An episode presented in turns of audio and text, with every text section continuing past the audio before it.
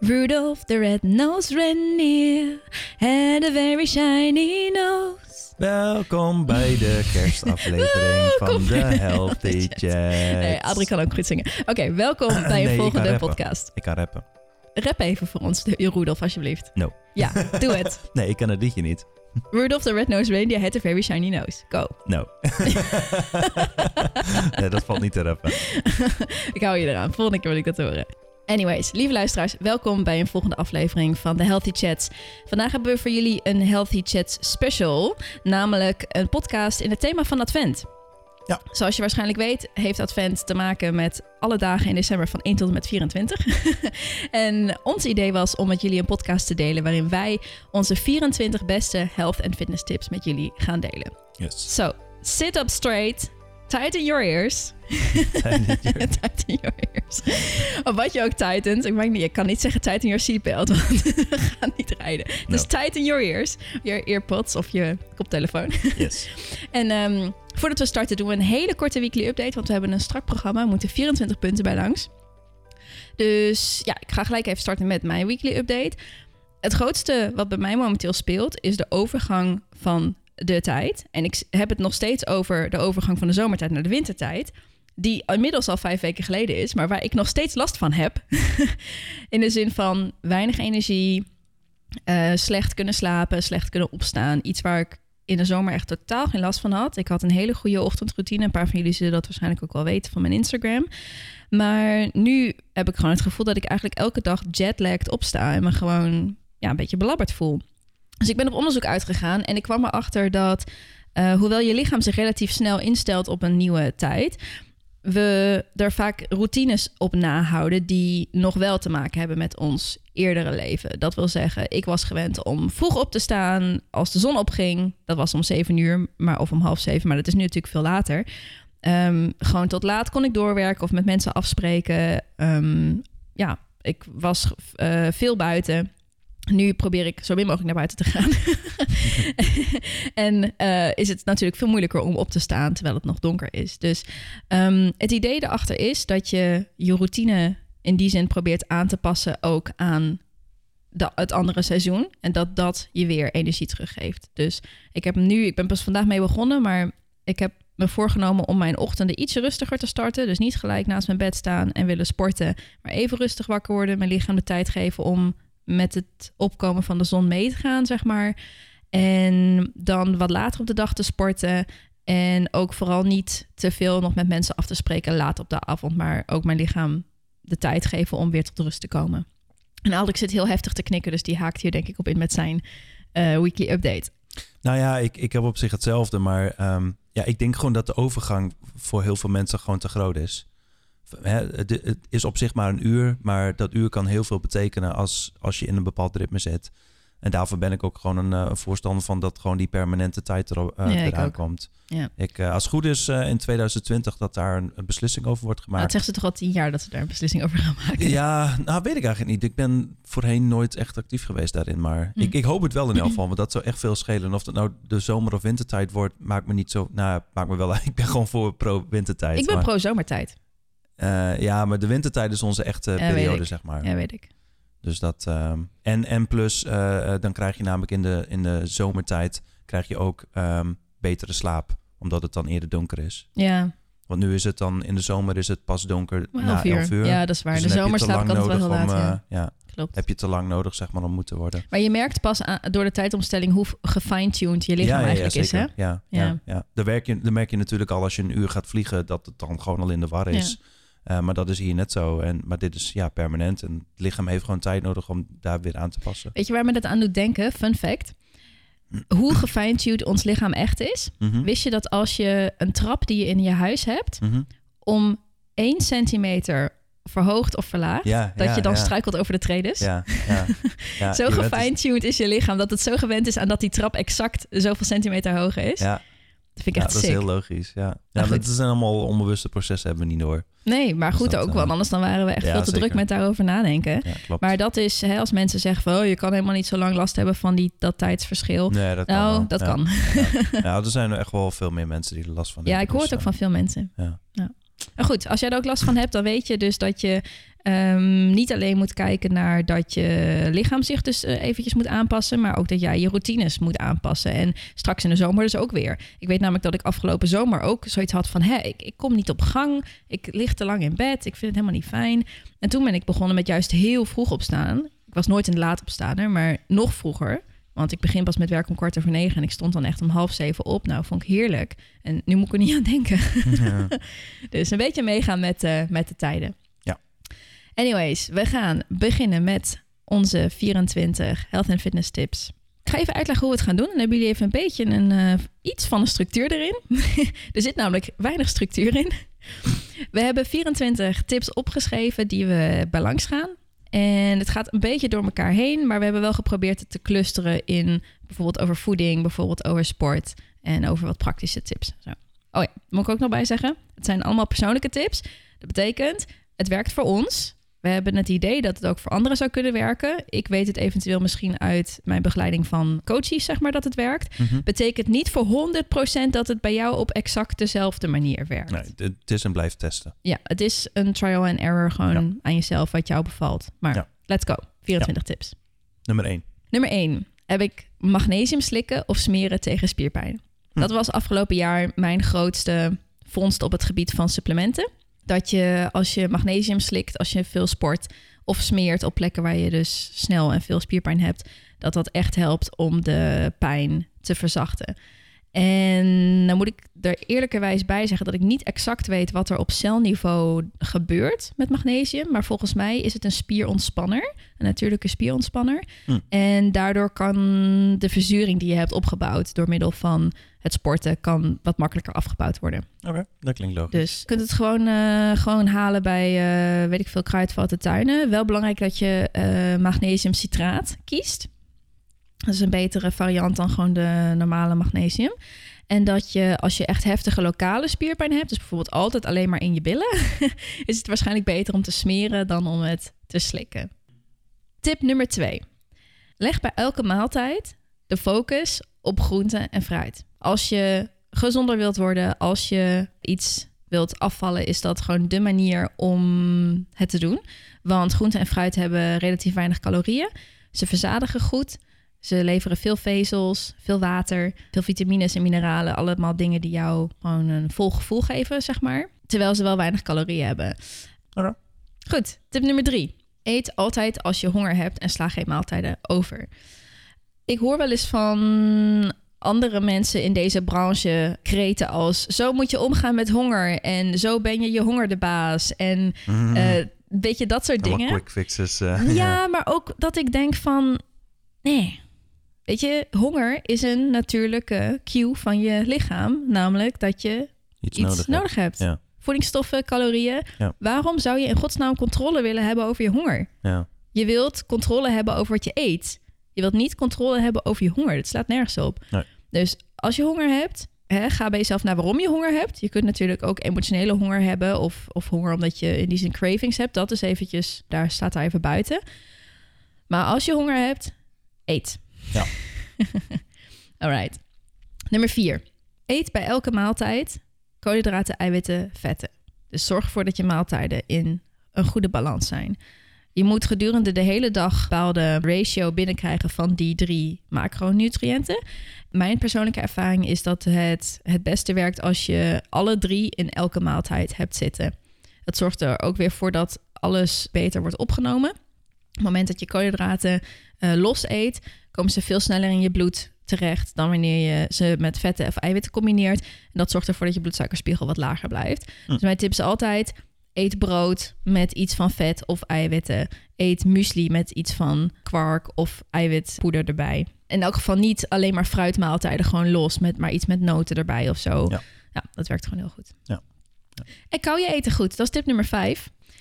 Dat is eh, ook iets wat mij heel erg geholpen heeft afgelopen jaar om rustig te eten. En ook het helpt heel goed om je, om je verzadigingsgevoel te voelen. Op het moment dat je rustig koudt, kan je eten beter verteren. Je kunt meer voedingsstoffen uit je eten halen. Je eet rustiger, dus je zult een... Ik, ik vind dat het een soort gevoel van tot rust komen, zeg maar. Mhm. En je voelt ook beter wanneer je genoeg hebt gehad. Zeg maar. je, je lichaam registreert dat je hebt gegeten. Terwijl als je bijvoorbeeld on the go eet of je eet echt binnen vijf minuten je eten op, dan heb je wel een volle maag, maar je hoofd heeft nog niet helemaal geregistreerd dat het ook eten heeft gekregen. En dan neig je ernaar bijvoorbeeld ook nog een toetje te nemen of om nog een tweede keer op te scheppen. En de vraag hoe vaak je dan moet kauwen. je moet ongeveer 20 keer één hap kauwen voordat je hem doorslikt. En het beste is zelfs tussen de 20 en de 30 keer. En het, erge is, de meeste mensen doen 5 tot 10 keer. Oh, nou, ik waarschijnlijk ook. Ja, dus kijk maar eventjes bij jezelf hoe vaak jij koudt en probeer dat te verlengen. In het begin voelt het heel gek. Dat weet ik nog toen ik hiermee begon. Dat voelt alsof je je eten echt tot een papje maalt en dat je denkt, "Blech." maar dat went. En ik vind het echt een super fijne manier. En je, je hebt gewoon net even wat langer aan je eten. Als je met andere mensen eet, is het gezelliger, want je bent niet binnen vijf minuten klaar en je buik voelt zich beter. Als je last hebt van darmklachten, is het ook een heel goede tip. Hm. Dus die. En dan heb ik er nog eentje en dan eh, is de volgende daarna van Aldrik. Yes. Nummer 6. Gevarieerd eten is leuker en helpt tegen cravings. Ik denk dat dit een veel voorkomend iets is bij mensen die gezonder gaan eten. Die gaan voornamelijk minder eten. Ze halen alle lekkere dingen uit hun voedingspatroon en blijven zeg maar zitten met de slaapblaadjes en de tomaat en de komkommer. Ja. En dan voelen ze zich wel goed dat ze gezond eten, maar het is eigenlijk niet zo heel leuk. Hè? Dus op het moment dat je zorgt dat je gevarieerd eet, misschien ook seizoensgebonden, dus dat je ook wisselende producten gedurende het jaar eet, dat je dingen probeert die je normaal gesproken niet zou eten, dat je veel kleurtjes op je bord hebt, veel verschillende consistenties, zeg maar. Crunchy, zacht, romig, fris, ja, een beetje dat soort verschillende smaken en eh, belevenissen voor je mond. Mhm. Ehm, is dat veel eh, bevredigender dan wanneer je iets eet wat gewoon voor een groot deel op elkaar lijkt. Plus dat gevarieerd eten heel goed helpt tegen cravings, omdat het je een hele dosis aan vitamines en mineralen in één keer geeft, waar je lichaam nou ja, best wel een tijdje eh, nou, genoeg aan heeft, zeg Ja. maar. Klinkt logisch. Nou, een hele rits met al mijn eerste tips. Ik ben benieuwd naar jouw eerste tip. Oké, eh, punt 7. combineer eten met wat je lekker vindt. Als je bijvoorbeeld iets nieuws probeert met, met eten. Wat ik in elk geval vaak doe, is wanneer ik een nieuw eh, recept zeg maar probeer.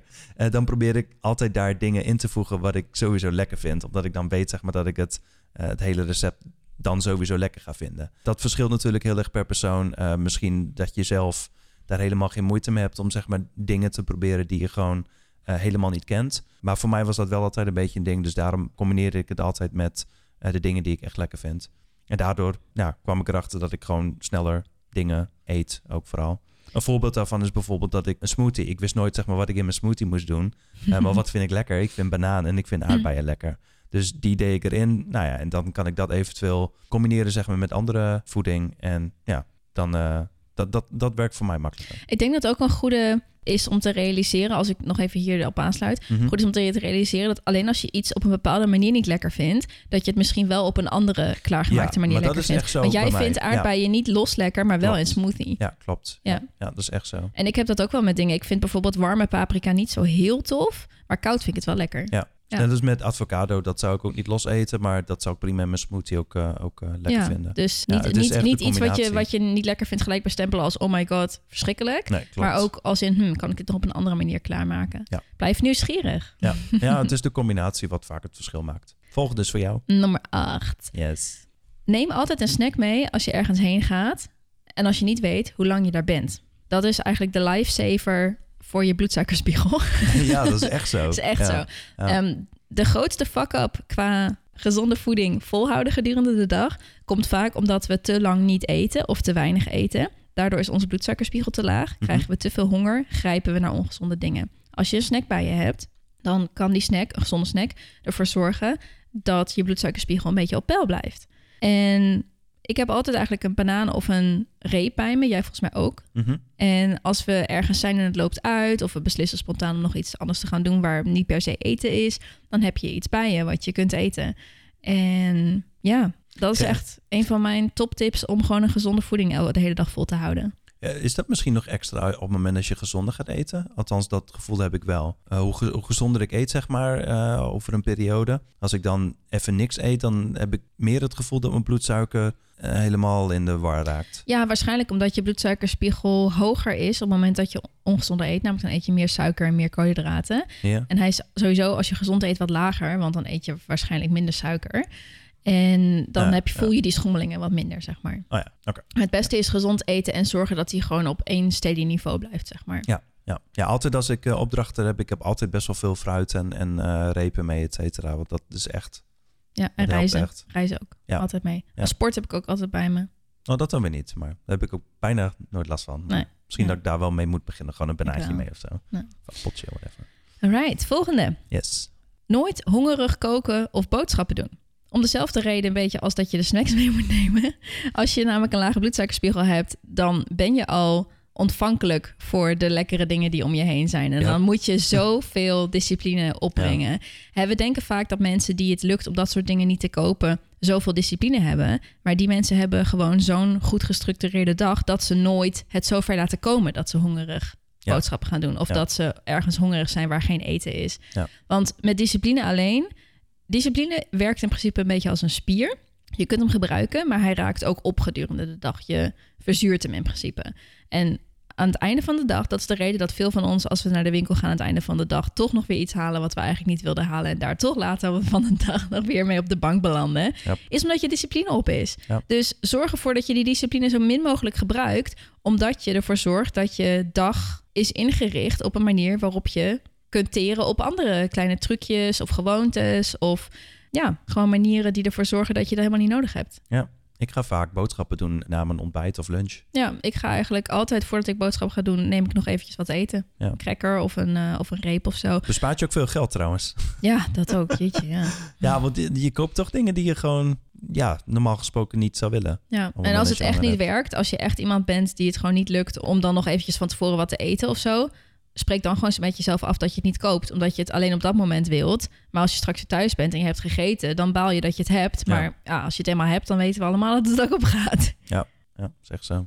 We zijn bij nummer 10. Ja, Gaan ja, over, dat, over op sport. ja, dat gaat over sport. En dat is iets ja, wat, wat ik bij mezelf heel, erg- heel erg heb gemerkt. Eh, als je niet goed bent om spontaan te sporten, wat ik bijvoorbeeld dus niet ben, eh, zorg dat je er regelmaat in hebt. Ik sport altijd op maandag, woensdag en vrijdag. En ik wil dat eigenlijk altijd gewoon in de ochtend doen. En daar zit nog een beetje ruimte. Vaak tussen 10 en 11 à 12 wil ik aanwezig zijn. Maar dat is voor mij zeg maar de, ja, de stok achter de deur om het toch wel te doen. Volgens mij ben jij best wel een spontane sporter. Ja. Dus jij gaat gewoon van wanneer jij zin hebt, dan ga je sporten. Ja. Dat zou bij mij echt nooit werken. Ik moet wel zeggen dat, dat, dat ik dat zelf ook niet zo heel prettig vind. Maar dat ik het een beetje ook laat afhangen van hoe ik me voel. Want ik luister daarin heel erg naar mijn lichaam. Hm. De ene dag heb ik meer spierpijn, neem ik nog een extra rustdag. De Ja, andere ja, dag denk ik van, goed, oh, ja. ik kan met een vriendin naar yoga, weet je. Maar ik vind het zelf wel fijn om een beetje structuur te hebben. Dus ik heb vaak wel, ik heb op dinsdag altijd een vaste personal training. Mhm. Ik heb vaak een vaste yogales. Ik heb vrijdagochtend een vaste les. En de rest doe ik een beetje losjes ertussendoor. Ja. Maar ik vind het wel grappig dat jij, je bent eigenlijk de spontanere van ons twee, dat Ja, jij dan maar- die structuur nodig hebt. Ja, maar al- om, om iets gedaan te krijgen, heb ik die structuur dan Wel wel, nodig. nodig. Ja, Oh ja, ja, grappig. ja. En dat is niet alleen, dat is ook wel met andere dingen zo. Maar dat betekent niet dat ik het leuk vind. Maar het helpt wel. En misschien dat ik ook En, zo eh, erg van sport hou, dat ik die structuur ook niet heel erg nodig heb, omdat ik Nee, toch wel zin heb om te gaan. Ja, zeg maar. exact. Ja, ja, ja. Ja. Ik, ik zat nog te denken aan wat zou mijn ideale zaterdag eigenlijk zijn. Dacht ik, oh, zaterdag lekker rustig opstaan. Dan lekker eh, gewoon uitgebreid ontbijtje met allemaal gezonde dingetjes. En dan gewoon heerlijk de hele dag in de gym rondhangen. Oh, En hoe kan dat een weekend zijn? ja, Nou, dat vind ik gewoon heerlijk. Ga ik allemaal nieuwe oefeningen proberen, met iedereen kletsen. Ik vind het fantastisch. Dat is echt mijn, mijn ideale weekend. Oké, nou mooi. Even kijken, we zijn bij nummer 11. Oh, ook over de gym. Jullie weten, denk ik, heb ik wel gedeeld op mijn Instagram, dat iedereen heeft lichaamsdelen die die makkelijker kan trainen dan anderen. En voor mij is dat mijn bovenlichaam. Mijn bovenlichaam hoef ik niet heel veel voor te doen, zodat het er zo uitziet als ik wil. Kan ik best wel veel verschillende dingen doen. Hoef ik niet heel erg strikt aan iets te houden. Voor mijn onderlichaam geldt dat niet. Als ik veel mijn benen train, dan krijg ik ook echt dikke benen. Als in gespierde bovenbenen, wat ik zelf niet zo heel mooi vind. Hm. Ik wil natuurlijk wel mooie billen hebben. dus ik heb eigenlijk een selectie gemaakt in de, in de oefeningen... die wel je billen trainen, maar niet zozeer je benen. Dus bijvoorbeeld geen weighted squats doen. Niet te veel pliometrische oefeningen, als in jump squats... Hm. zware springoefeningen, dat soort dingen. Want dan krijg ik gewoon echt hele volle bovenbenen. Ik krijg ook wel billen, maar ik krijg ook hele volle bovenbenen. En daardoor lijken je billen in verhouding natuurlijk ook weer kleiner. Gaat dat bij mij ook zo snel? Ja, bij iedereen. Maar bij vrouwen, ja, vrouwen bouwen wel wat makkelijker onderlichaam op dan mannen. Ja? En ja, en bij vrouwen is het, ben je het gewend om het te zien. zeg maar. Ja. Vrouwen hebben billen en benen en mannen hebben, nou ja, meer bovenlichaam, zeg maar. Ja. Maar voor mij was dat echt een uitkomst om te zeggen dat ik mijn benen eigenlijk gewoon alleen maar cardio doe. Mhm. En dan doe ik voor de rest wel billen. Ja. En dat vanaf mijn billen is eigenlijk krachttraining en mijn benen zijn cardio. Zo kun je het je een beetje Dus de les is daarvan, eh, kijk hoe je onderlichaam zich het beste ontwikkelt. Kijk wat je wilt. Ik hoor namelijk wel vaker vrouwen die zeggen dat ze, dat ze, dat ze dikke billen willen. Ja, oké, dus eerst kijken ze- naar het doel en dan kijken... Ja, maar dat Ja. ze geen dikke bovenbenen willen. Want dan Nee, klagen ze over, ik vind mijn benen te dik, maar ik wil wel billen hebben. Ja, dat komt omdat je je billen dus traint. Ah, Train je ja. automatisch ook je benen. Ja. Dus als je dat niet wilt, dan moet je dat, die twee loskoppelen. Moet Cardio. je geïsoleerd je billen doen Mhm. en cardio voor je benen. Want daar krijg je dunne benen van. Ja, dat klinkt logisch. Ja. Dus dat is echt een eh, hele goede tip als je, als je dat eh, hebt. Ja. En dan komen we ook bij tip 12. Do your fucking cardio. Had ik moest heel hard lachen toen ik dit erin had gezet. Want er staat ook letterlijk do your fucking cardio. Ik hoor zo vaak van mensen in de sportwereld dat cardio bijzaak is. Dat je het... eh, Is dat zo? Ja, dat je je Oh beter God. kunt focussen op weight training. Jij doet dat ook. Jij doet ook geen cardio. Ja, oké, maar ik, ik zit niet in... Het is gewoon omdat ik het niet leuk vind, maar ik zit niet in de overtuiging van... Ja, dat is slecht voor je. Of Ik vind me- cardio ook niet leuk. Ik doe train, train zeg maar krachttraining met snelle oefeningen. En dat is mijn, dat is mijn cardio, precies, zeg maar. ja, Ja, ja, ja. Een soort van high intensity, zeg maar. Ja. Maar cardio is wel zeker heel erg belangrijk. Het brengt je vetpercentage omlaag. Het kan ook wel op andere manieren. Het kan ook met voeding, maar het is gewoon een hele goede manier. Het is, als je niet te zwaar traint, eh, niet blessuregevoelig. Krachttraining wel. Hm. Je krijgt er mooie spieren van, een slank lichaam. Je wordt er fit van, dus je voelt je ook heel goed. Je voelt je eh, alsof je... Ik, heb, ik probeer bent. ik probeer het altijd te beschrijven als het gevoel dat je op elk moment achter een bus aan zou kunnen sprinten en dat je niet zou denken van ik sterf. Zo voelt het Nee. als je zeg maar fit bent in terms of cardio. Ja. Ik vind cardio gewoon, eh, ja, gewoon belangrijk om, eh, om te hebben. Je bent ook niet fit. Dat is een beetje een misleidende definitie. Volgens mij heb ik dat eerder wel eens verteld. Maar fitness betekent dat je kracht hebt, dat je cardio fit bent en dat je flexibel bent in je spieren. Dus dat je Ja. Fit, eh, fit zijn is beetje niet alleen maar bent. gespierd of zo. Nee, fit is niet alleen maar gespierd. Fit is ook niet alleen maar kunnen, hard kunnen rennen. Fit is sterk, snel, lenig. Ja. Dat is fit. En gezond. Ja, dan is het gezond soort van bijna de, de De uitkomst. uitkomst, zeg ja, exact. Ja. Ja. Oké, goed. Nummer Ja. 13. Eh, nummer 13. Ja, ik hoorde je net dus al eh, zeggen over eh, blessures. En ik, ik spreek best wel veel mannen in de sportschool. Nou, die zeggen van ja, ik heb hier pijntjes, ik heb daar pijntjes. En dan vraag ik van ja, ga je dan ook naar de fysio? En dan zeggen ze eigenlijk allemaal nee. Ehm, Snap ik echt niet. ja, ik, ik snap het ook niet. Ik vind het A, heerlijk gewoon om naar de fysio te gaan. Misschien dat dat een beetje een ego-ding is bij mannen. Zo, oh, het gaat wel over, weet je wel. Mm, Maar eh, ik, ik- ja, ik, ik hou er gewoon niet van om met blessures te zitten. Het is ook gewoon irritant. En nou, ik heb best wel een poosje eh, had ik last van mijn schouders. En toen ben ik op bedoeling naar de fysio gegaan. En toen bleek dus ook dat de pijn niet zozeer uit mijn schouders kwam. Maar één keer kwam het uit mijn rug. Andere keer kwam het uit mijn borst. Terwijl ik zeg maar pijn had in mijn linker schouder. Maar toen kwam het dus vanuit mijn linkerborst. Eh dus dat had ik ook geleerd. Dat de pijn niet zozeer uit het deel komt waar je pijn hebt. Maar dat het dus een symptoom is van een pijn wat je ergens anders zeg maar hebt. Ja, dat weet je zelf gewoon niet. En, en dat, dat is heel moeilijk om zelf achter te komen. Dus op het moment dat je naar de fysio gaat, vaak in een paar sessies, dan kan het opgelost worden. Mm. M- Maar goed, als je dan- doorgaat, dan heb je gewoon kans dat het, dat het erger wordt. Oké, ik denk dat de valkuil ook is dat, dat mannen zijn daar wel goed in om te denken, oh, ik los zelf wel op.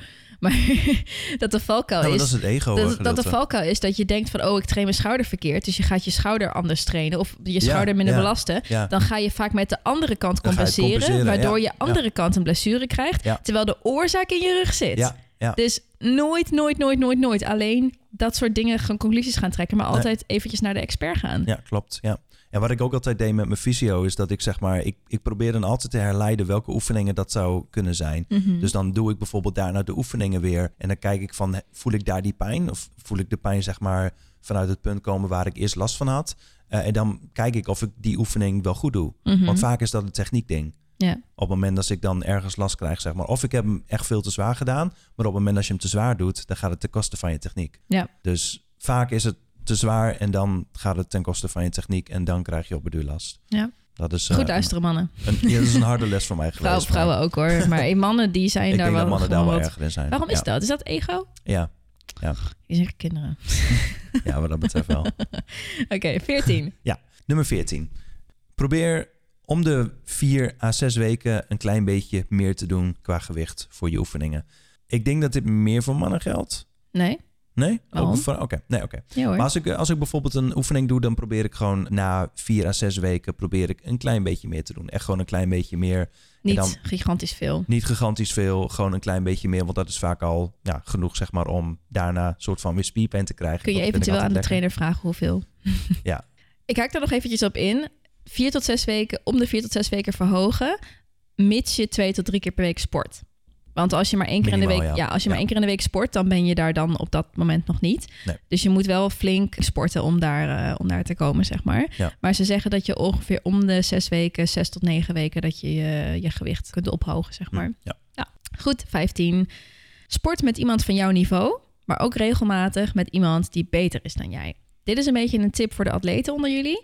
Als je beter wilt worden en alles uit jezelf wilt halen, dan is het heel goed om af en toe te sporten met iemand die al wat verder is dan jou, die, dan jij, die jou kan pushen, die jou kan motiveren en waar jij een beetje, ja, een beetje fire under your ass door kunt krijgen. Functioneert het als een soort van eh, mentor-achtig? Mm, nou, het is niet echt Of dat meer ik een voorbeeld? Voorbeeld, ja. Ja, En, en, ja. en je hebt natuurlijk een bepaald ego. Iedereen heeft dat. En als je gewoon voor jezelf traint, dan is je ego gewoon lekker warm ingepakt in zijn comfortzone. En je denkt van, oh, ik voel me hier wel prettig. Kijk, look, look me go. Ja, ja. En als je met iemand anders eh, ik traint... goed bezig. Ja, als je met iemand anders traint die veel verder is, dan krijgt je ego natuurlijk een flinke deuk. Maar als je een beetje die sportersmindset hebt, dan is dat tegelijkertijd ook een katalysator om te denken: oh fuck, maar ik wil dit ook kunnen. Ja. En als je, Mooi, als je Ja. je te snel laat intimideren, dan moet je het niet doen. Maar ik zou zeggen, hè, streel je ego door voor jezelf te sporten eh, met mensen die bijvoorbeeld net zo zijn als jij. En daag je ego uit door af en toe met mensen te sporten die gewoon beter zijn dan jij. Ja. Dan kom je verder. Ja. En da- daarom vind ik het bijvoorbeeld heel prettig om nu te trainen met een personal trainer. Ik bak nog niet zo heel veel van kickboksen. Maar ik voel me wel uitgedaagd, omdat ik denk, fuck, ik wil dit gewoon kunnen. Ja. En ja, ik vind het echt fantastisch. Momenteel echt mijn highlight van de week op het gebied van sport. Dus Ja. Nou ja, goed. En zo gaat het door, toch? Ja. Zo ontwikkel je je verder. Ja. Ja, leuk. 16. Yes, nummer 16. Ehm, dat gaat eigenlijk over nieuwe gewoontes leren als het gaat om, eh, om sporten. Wat, wat veel mensen volgens mij nog wel doen is wanneer ze zeg maar nieuwe dingen willen leren, dan proberen ze zoveel mogelijk oefeningen in een week te proppen om opnieuw te leren. Maar dat is over het algemeen niet hoe een mens gemakkelijk en goed leert. Als ik zeg maar een nieuwe oefening wil leren, dan probeer ik dat maximaal 1 à 2 per week te doen. Gewoon, en die probeer ik een beetje in te weaven zeg maar in mijn nou ja, normale workout. Maar op het moment dat je te veel doet, dan ga je gewoon dat waarschijnlijk niet doen. Het is gewoon te veel. Ik heb vaak een dag voor skills. Dan ga ik. Dat, Dat kan ook. Dat ja, doe ik vaak op zaterdag. Als, ik, als ik zeg van oh, ik ga lekker zaterdag de hele dag in de gym hangen, doe ik vaak skill training. En dan ga ik eigenlijk oefeningen die best wel lastig zijn, ga ik gewoon perfectioneren. Dan gaat het helemaal niet om herhalingen. Het gaat helemaal niet om hoge hartslag of iets. Het gaat gewoon erom om een oefening voor de spiegel te doen. Te Ja. kijken hoe de techniek is. Eh, misschien jezelf filmen, te kijken hoe je het doet. En gewoon lekker de tijd nemen om, om je skills te oefenen. Ja. Ja, en de reden dat dat werkt is dat je dan gewoon die hele dag daar zeg maar op kan focussen. Ja. Maar op het moment dat je zeg maar al in een gewoonte zit van oude oefeningen en je probeert daar zoveel mogelijk nieuwe op te bouwen, dat is heel moeilijk. Ja. En dat is ook waarom heel veel mensen daarin vallen. Dat geldt overigens niet alleen voor, eh, voor sport. Ik denk ook dat het een beetje angst, alles. angst is dat ze, ze weten wat goed werkt. En Ja, ja, ja. Ja. ik, ik Dus zie dat. Angst om, te, om succes te... Nou, niet, nee. Juist, angst, falen. juist angst om te falen. Ja, want ik zie wel veel sporters die Klopt. bijvoorbeeld al wel wat langer sporten. En dan een bepaald beeld van zichzelf hebben van wat ze kunnen. Ja. En als je dan met nieuwe oefeningen komt, vinden ze die ook echt niet leuk, omdat Nee, ze ze niet kunnen. Klopt. En dat is het verschil tussen een sporter en een atleet. Want een atleet wil die oefeningen kunnen. Hmm. En een sporter die denkt van, ah, ik vind het goed wat ik nu doe. Ja, ja, ik blijf ja, ja. lekker in mijn Ja. comfortzone. Ehm, ja, dus ehm het is helemaal niet erg. Dan kun je natuurlijk ook gewoon lekker blijven zitten als je dat wilt. Maar Ja. als je verder wilt komen, dan daag jezelf uit. Punt eh, 17, dat gaat een klein beetje in, in wat jij net zei. Want jij bent heel erg van luisteren naar je lichaam. Eh, op het moment dat jij iets minder energie hebt, zou je misschien niet gaan. Maar voor mij is dat eigenlijk soort van net andersom. Want op het moment dat ik weinig energie heb, dan probeer ik toch te gaan. Dus de tip is, wanneer je weinig energie hebt, probeer dan toch te gaan. En de reden daarvoor, in mijn ogen, is dat je dan daarna toch wel blij bent dat je bent gegaan. Zeker. En helemaal als je weinig energie hebt, je gaat dan helemaal niks doen, dan ga je niet meer energie krijgen door niks te doen. Hm. Tenzij je echt het gevoel hebt dat je, dat je lichaam echt moet uitrusten van iets. Ja. Maar dat is natuurlijk ook weer luisteren naar je lichaam voor wat het echt nodig heeft. Maar over het algemeen is het wanneer je weinig energie hebt, dat je dan vaak gewoon geen zin hebt. Ja, ik denk dat het wel een goede differentiatie is om inderdaad te zeggen: luisteren naar je lichaam is je lichaam moe en heeft het rust nodig? Of heb ik geen energie en heb ik energie nodig? Want als je energie nodig hebt, dan kun je juist goed gaan sporten, want dan krijg je daar energie uit. Zoals je zei. Is Maar goeie, als ja. je voelt van oké, mijn lichaam heeft rust nodig, dan heeft je lichaam dus juist geen energie nodig, maar heeft je lichaam het nodig om even niet te sporten en om Ja. eventjes uit te rusten. Ja. En ja, daar probeer ik wel naar te luisteren. Maar eigenlijk, kijk, ik heb op een gegeven moment weet ik in mijn loop, verloop van de dag geen zin meer om te sporten, omdat mijn energie afneemt natuurlijk, logischerwijs. Mhm. Dus ik ga dan in het begin van de dag. Ja, maar dat hangt een beetje af van wat voor type je bent. Want sommige Ja. mensen die zijn dus echt helemaal fired up in de ochtend. Ja, Eh anderen die zijn weer in de avond. Ja. Toen ik jonger was, zeg maar, sport ik veel in de avond. Maar Ik dat ook. was omdat ik in de ochtend eh, moest werken. Mm. Maar ja, weet niet. Misschien dat, dat ik toch een beetje meer een avondsporter ben. Maar ja jij ging Hey. het proberen nu, toch? ja, ik heb nog niet geprobeerd. Maar ik, ik wil dat echt wel even weer, Ja, doe eh, weer doen. Ja. Ik ga dus Gewoon nu... kijken of ik ja. dan meer... Maar ik denk ook dat het vooral is omdat ik... Want dat heb ik wel geprobeerd. Is dat ik in de middag veel avondeten heb gehad. Mhm. Dus dan e- eet ik gewoon veel en warm eten. En dan ga ik daarna sporten. Oh ja. En ik merk dat ik Je dan meer energie, energie heb. Ja, Ja. precies. ja, dat kan ook dus helpen. misschien dat dat de reden is waarom ik in de avond fijner vond om te sporten. Ja, dat kan. Ik Dus eet kan. eigenlijk ook mijn grote maaltijd tussen de middag en s avonds eet ik nog, vaak nog wat kleins. Omdat ik dan ook merk dat mijn lichaam daar niet zo heel veel behoefte aan heeft aan nog heel veel Hm. eten. Want ik ga toch slapen. Terwijl ik vaak s'avonds nog voor het avondeten of ehm, ja, voor het avondeten trainingen geef. En nou ja, dan ben ik gewoon eh, uitgehongerd als ik, Ja, niet, eh, ja. als ik dan echt een lichte lunch heb gehad. Klinkt logisch. Goed, nummer 18. Yes. Ook weer een hele goede tip. Hoor ik ook vaak van mijn coaches dat ze heel blij zijn met deze tip. Als je zin hebt in zoet, en dan hebben we het eventjes over je, je bloedsuikerspiegel is te hoog. Je hebt cravings, je hebt te vaak te veel suiker gegeten, snoep en Ja. andere dingen. Ja. Dat kun je jezelf afleren door het te vervangen met fruit. En dat zal de eerste paar keren niet die bevrediging geven die je zoekt. Maar het zal wel je bloedsuikerspiegel weer gaan normaliseren. En op een gegeven moment dan merk je dat je ook niet meer craved naar, eh, naar het snoep. En dat je gaat craven naar de frisse, fruitige fruitdingen. En die kun je dan vervolgens weer makkelijker afbouwen. Mensen zeggen altijd van ja, maar fruit is net zo slecht als eh, normale suiker. Dat maakt helemaal niet uit. Er zit heel veel suiker in fruit. Maar het is nog wel weer wat anders en wordt anders opgenomen in je lichaam dan echt snoep. Echt geraffineerde suiker, zeg maar. Bovendien is het veel makkelijker om een beetje te, te beperken in fruit dan om te beperken in snoep. Want dat is gewoon echt zo'n extreme prikkel voor je brein. En dat is bij fruit en fruitsuiker Veel milder. mild. Ja. Ja, Ja. milder. Is het nog eh, specifieke fruitstukken?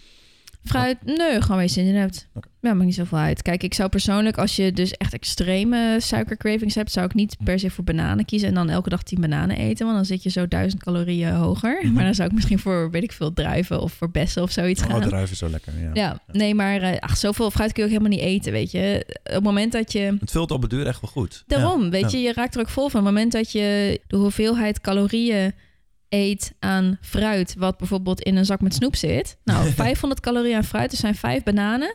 Of dus één zakje snoep. Nou, een zakje snoep krijg je makkelijk weg. Ja. Vijf bananen of vijf sinaasappels, dan zit je echt behoorlijk vol. Ja. ja.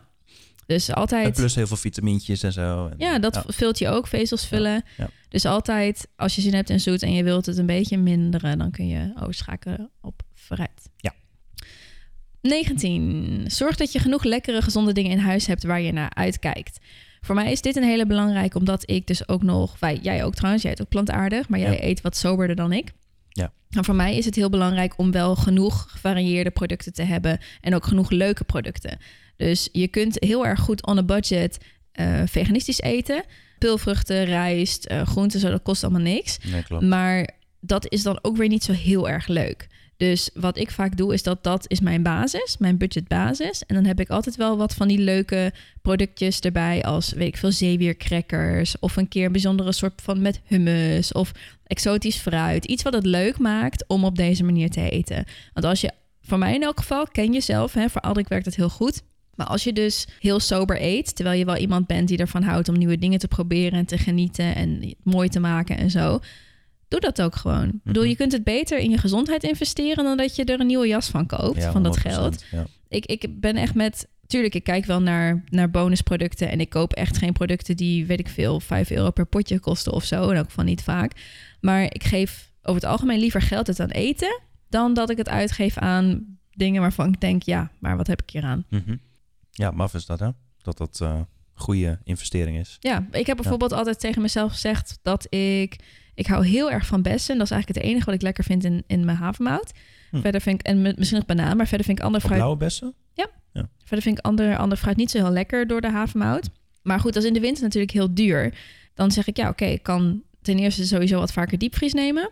En ten tweede, dan kies ik dit gewoon als hetgeen wat ik wel blijf doen. Ja. En dan eet ik bijvoorbeeld minder van iets anders wat, wat best wel prijzig is. Maar dit vind ik gewoon heel belangrijk voor mijn voeding. Daar haal ik veel, veel voldoening uit om dat te kunnen blijven eten. Dus so be it. Ja. Weet je, hoe duur is het nou daadwerkelijk? Het valt ook wel weer mee. Ja, klopt. Ja. Nou, ik vond het toch heel leuk in, eh, in- toen ik in Lapland, Zweden was, gingen we ook eh, blueberries plukken.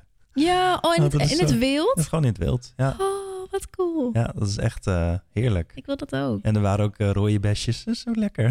En dan vind je het wel lekker. Wat? En dan vind je het wel lekker, Los. Ja.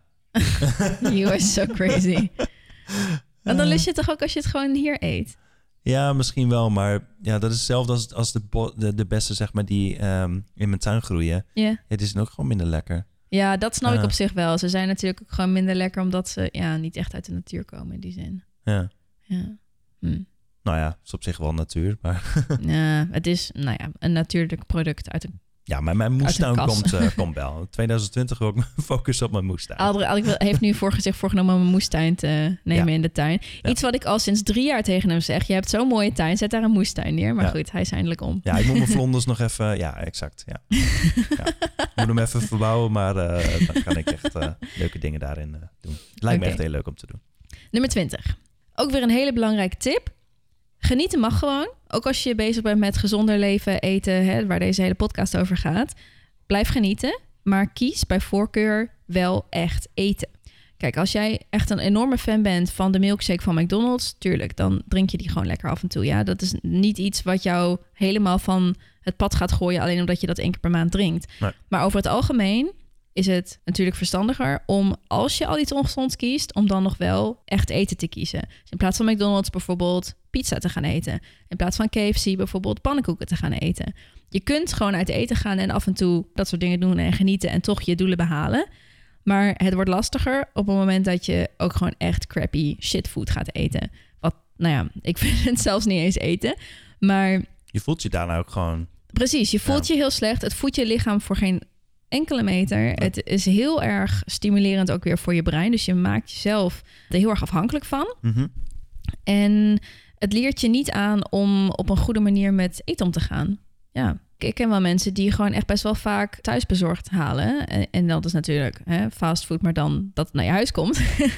en dan kun je Dat nog, eigenlijk ook echt en veranderen. dan kun je nog beter zelf, zelf pannenkoeken bakken Ja, exact. dan dat Ja, je- ja. iets besteld Ja. waar dan een paar slaablaadjes op zitten, zeg maar. ja. Dus hoe meer onbewerkt je eet, hoe beter. Ook al is het niet misschien het allergezondste product. Nee, klopt. Nummer 21. Gaat over geld. That's your topic, hè? Ja. ja, als je weinig geld hebt, dan probeer zoveel mogelijk te kopen op de markt. Ik moet zeggen, ik moet dat weer vaker doen. Dus bij deze dat ik vaker weer op... eh, Afgesproken op- met jezelf. Ja, dinsdag en zaterdag. Hè? Ja, precies. En vrijdag ook. Oh, vrijdag ook. Oké. In Groningen in elk geval. Ik weet niet hoe dat elders is, maar... En le- let er dan ook vooral op dat je niet te veel koopt. Ik weet niet hoe mensen daar over het algemeen in zijn, maar ik kan me best wel voorstellen dat er mensen zijn die zeg maar in bulk kopen. Mhm. Wat op zich natuurlijk goedkoop is op het moment dat je dat doet. Maar Die het dan weer weggooien. Ja, precies. Het risico is daar inderdaad van op het moment dat je te veel koopt, dat je dan het niet opkrijgt. En dan, ja, dan, dan hou je heel veel over. Dit ben ik. Is dat zo? Ja, daarom ben ik gestopt, daarom ben ik gestopt met naar de markt gaan. Want ik maakte op een gegeven moment de analyse dat ik dacht... Oh. oh, ik ga heel goedkoop naar de markt. Maar mijn dagen zijn soms zo onregelmatig... dat ik Ja. toch wel eens met mensen afspreek om te lunchen... om nog iets te bespreken, dat ik het niet opkrijg. En Ja. dat ik het dan weer een kwart weggooi. Dus toen zat ik te rekenen. En toen dacht ik, volgens mij kan ik net zo goed gewoon naar de winkel gaan. Ja. Want dan kan ik Dan veel beter, kan ik veel beter doseren wat, ik, wat ik nodig heb, zeg maar. En als ik weet dat ik een week echt gewoon thuis ben, dan haal ik wel eens van de markt. Maar ik vind het prijsverschil dan weer zo klein, relatief met als je dan dus veel dingen weggooit. Ja, dat klopt. Dat ik denk van nou, ik kan beter van de supermarkt halen. Plus dat het in een supermarkt in verpakkingen zit die het extra lang vers houden. Dus als ik een bakje met champignons een week heb staan, dan is die beter dan wanneer ik verse klopt. champignons van de Ja. markt heb. Helaas. Ik zou willen dat het anders was, maar helaas is het zo. Ja, grappig is dat, hè, dat je dan naar de markt gaat dan om zeg maar goedkoop te houden. Maar Mhm. op het moment dat je dan te veel koopt, dan wordt het weer uiteindelijk weer, een duurkoop Ja, is. Dus, ja. Maar dat is de nuance hierin. Want de, de supermarkt is over het algemeen wel goedkoper.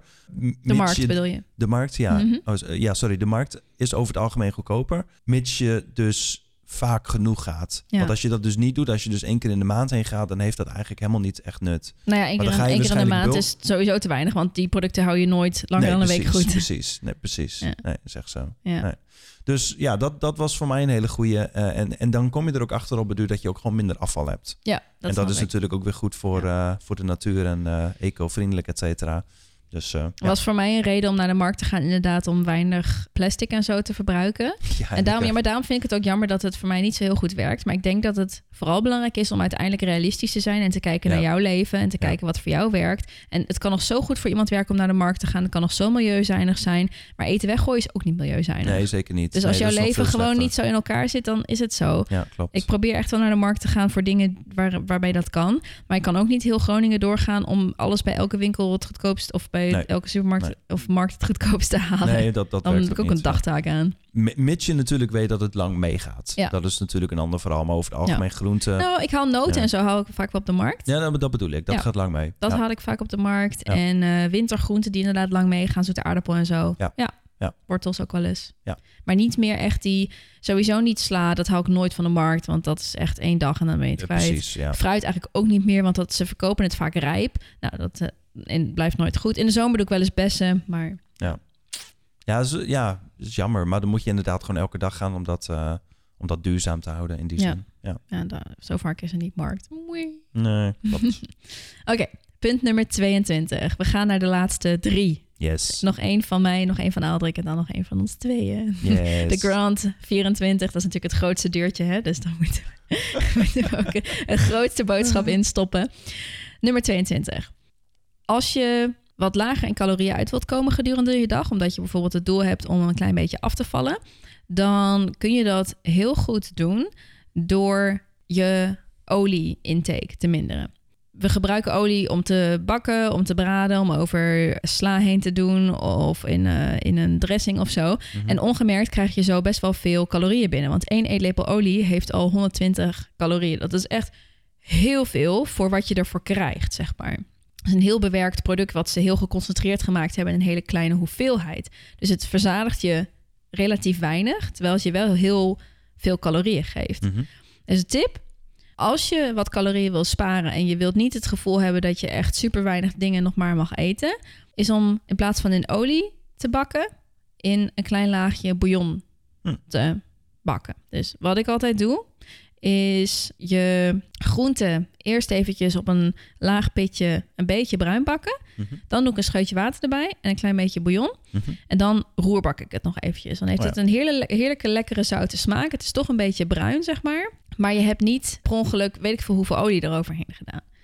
Hè? En olie is verder wel heel erg gezond. Ik wil helemaal niet zeggen dat olie ongezond is, dat je het niet moet eten. Het is alleen een manier om het een beetje onder controle te houden. Als jij iemand bent die nog wel eens wat erg buitensporig veel olie gebruikt, zeg maar. Dan is dat een hele goede manier om het een klein beetje, eh, klein beetje in te perken. En voor mensen die last hebben van hun darmen, kan het ook positief zijn om wat minder olie te, Mm. te binnen te krijgen. Want het is, ja, het is gewoon een, een geconcentreerd iets. En alles wat geconcentreerd is, dat kan sneller klachten veroorzaken. Grappig. Ja, ik heb een beetje fases daarin. Ik gebruik nu geen olie meer. En ik merk dat het koken gewoon net zo goed gaat. Goed gaat, ja, het hangt een beetje. Je moet even je kookskills aanpassen. Maar je kan niet op een fucking hoog vuur gaan, eh, gaan braden. nee, maar, ehm, en je moet wel een goede pan hebben, een non-stick pan. En sommige dingen kunnen niet zonder olie. Pannenkoekenbak zonder olie kan bijvoorbeeld niet. En ei lijkt me ook lastig als je dat eet. Ja. Maar Maar genoeg groente en zo, dat kan echt gewoon groente zonder, kan, ja. En eh, zonder burgers en zo kunnen allemaal zonder. Ja. Steak weet ik ook niet. Maar in elk geval groenteburgers en dat soort dingetjes. Ja. Eh, aardappeltjes en zo kan allemaal zonder. Ja, dus En, al mijn ehm, plantaardige eh, vleesvervangers eh, doe ik ook altijd zonder olie. Ja. En ze worden dan zelfs bruin. Ja, Ja. ja. Ze, ze worden gewoon Ja. bruin. Want dat is de, vaak, de vraag die ik het vaakst krijg van... hé, hey, maar jij eet bijna geen olie. Hoe krijg je dan je eten bruin? Gewoon een zacht vuurtje Ja. en dan niet te snel omdraaien, zeg maar. En dan heb je het, eh, heb je het gewoon bruin. Misschien over het algemeen wat langer bezig, maar Overigens is het ook niet zo heel erg gezond om olie, verdampte olie, zeg maar, in te ademen. Dus dat is ook nog een reden dat ik probeer om niet te veel olie te gebruiken. Als je per se wilt koken met olie, dan kun je het beste kokosolie gebruiken. Want die oh ja. dampen zijn het minst schadelijk. Hm. En voor koude gerechten wel olijfolie, want kokosolie heeft dan weer veel verzaagde vetten. Maar mindere is denk ik de beste, de beste optie. Oké.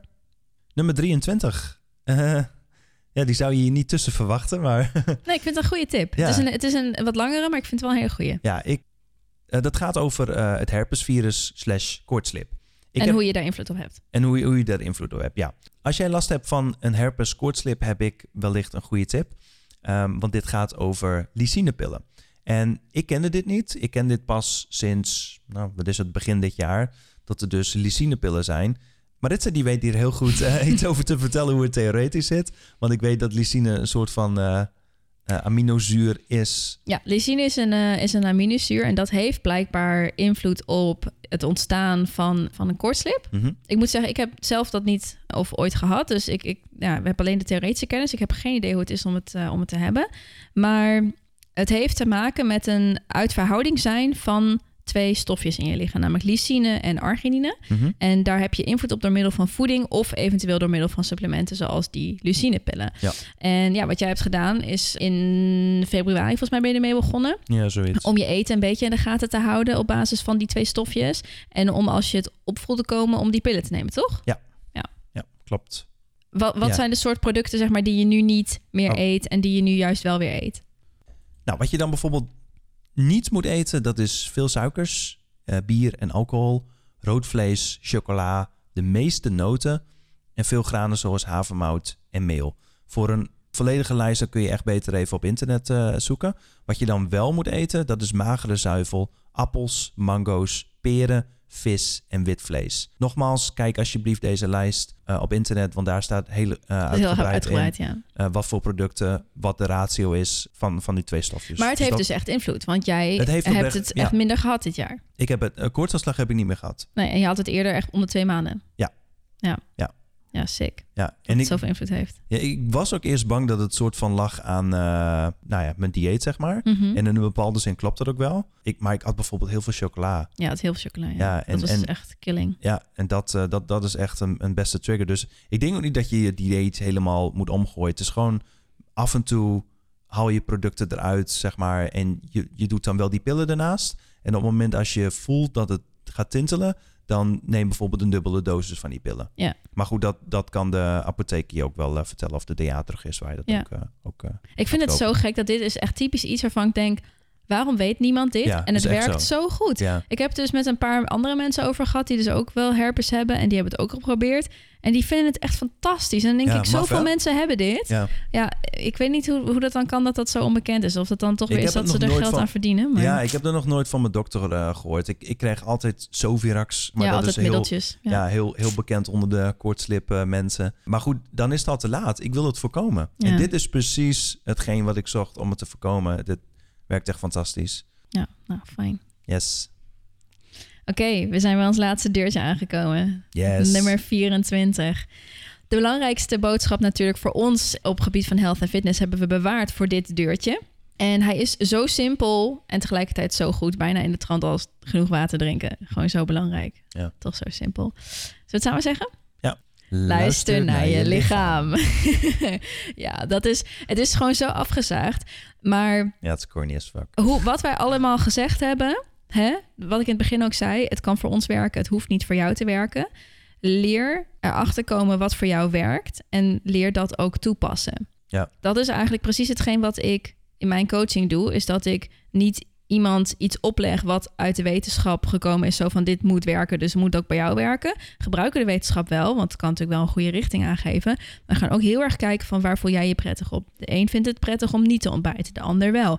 Sommige mensen vinden het prettig om kleine dingetjes gedurende de dag te eten. Andere mensen eten liever drie grote maaltijden. Ja. Eh, sommige mensen die sporten graag in de ochtend. Andere mensen sporten graag in de avond. Op het moment dat jij je lichaam kent en weet waar het goed op werkt, heb je eigenlijk alle tools al in handen om fit, gezond, slank, sterk te worden. Ja, al, je- al je Ja, doelen te ja, behalen in principe. Ja. Het is echt zo. Ik bedoel, naarmate je meer naar je lichaam luistert, weet hij ook steeds meer wat hij wat die nodig heeft. Ja. En je voelt dan ook steeds meer de nuance van... oké, ik heb nu bijvoorbeeld hier zin in. Oh, ik merk dat, dat ik dit soort quote-unquote symptomen krijg. Dus dan heb ik daar meer zin in.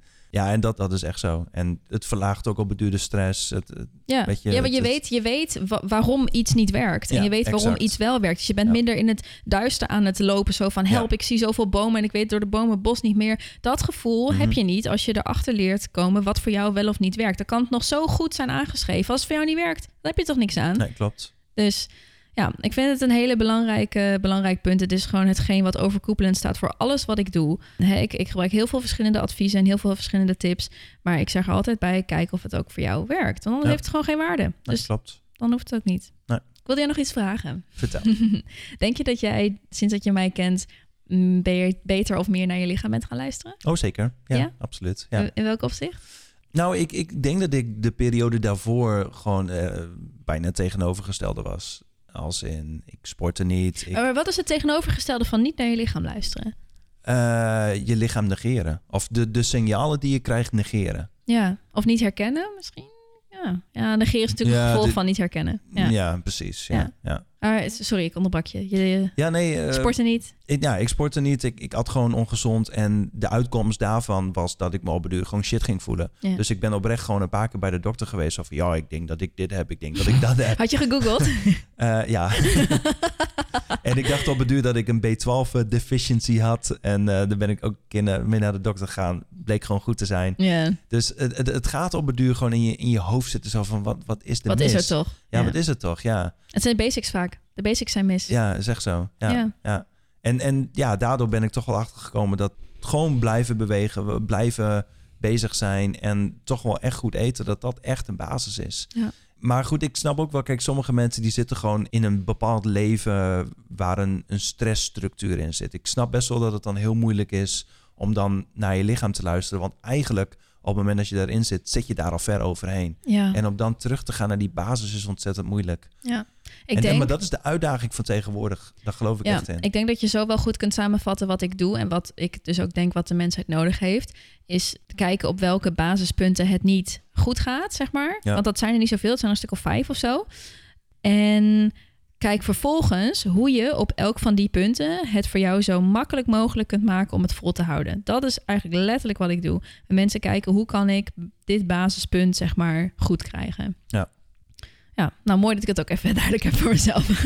Ja, ik, ik vind het gewoon interessant, zeg maar, hoe je, hoe je daar kan beginnen. Want de ene zegt van ja, je moet met sport beginnen. De ander zegt van ja, Ja. je moet met voeding Het is beginnen. holistisch.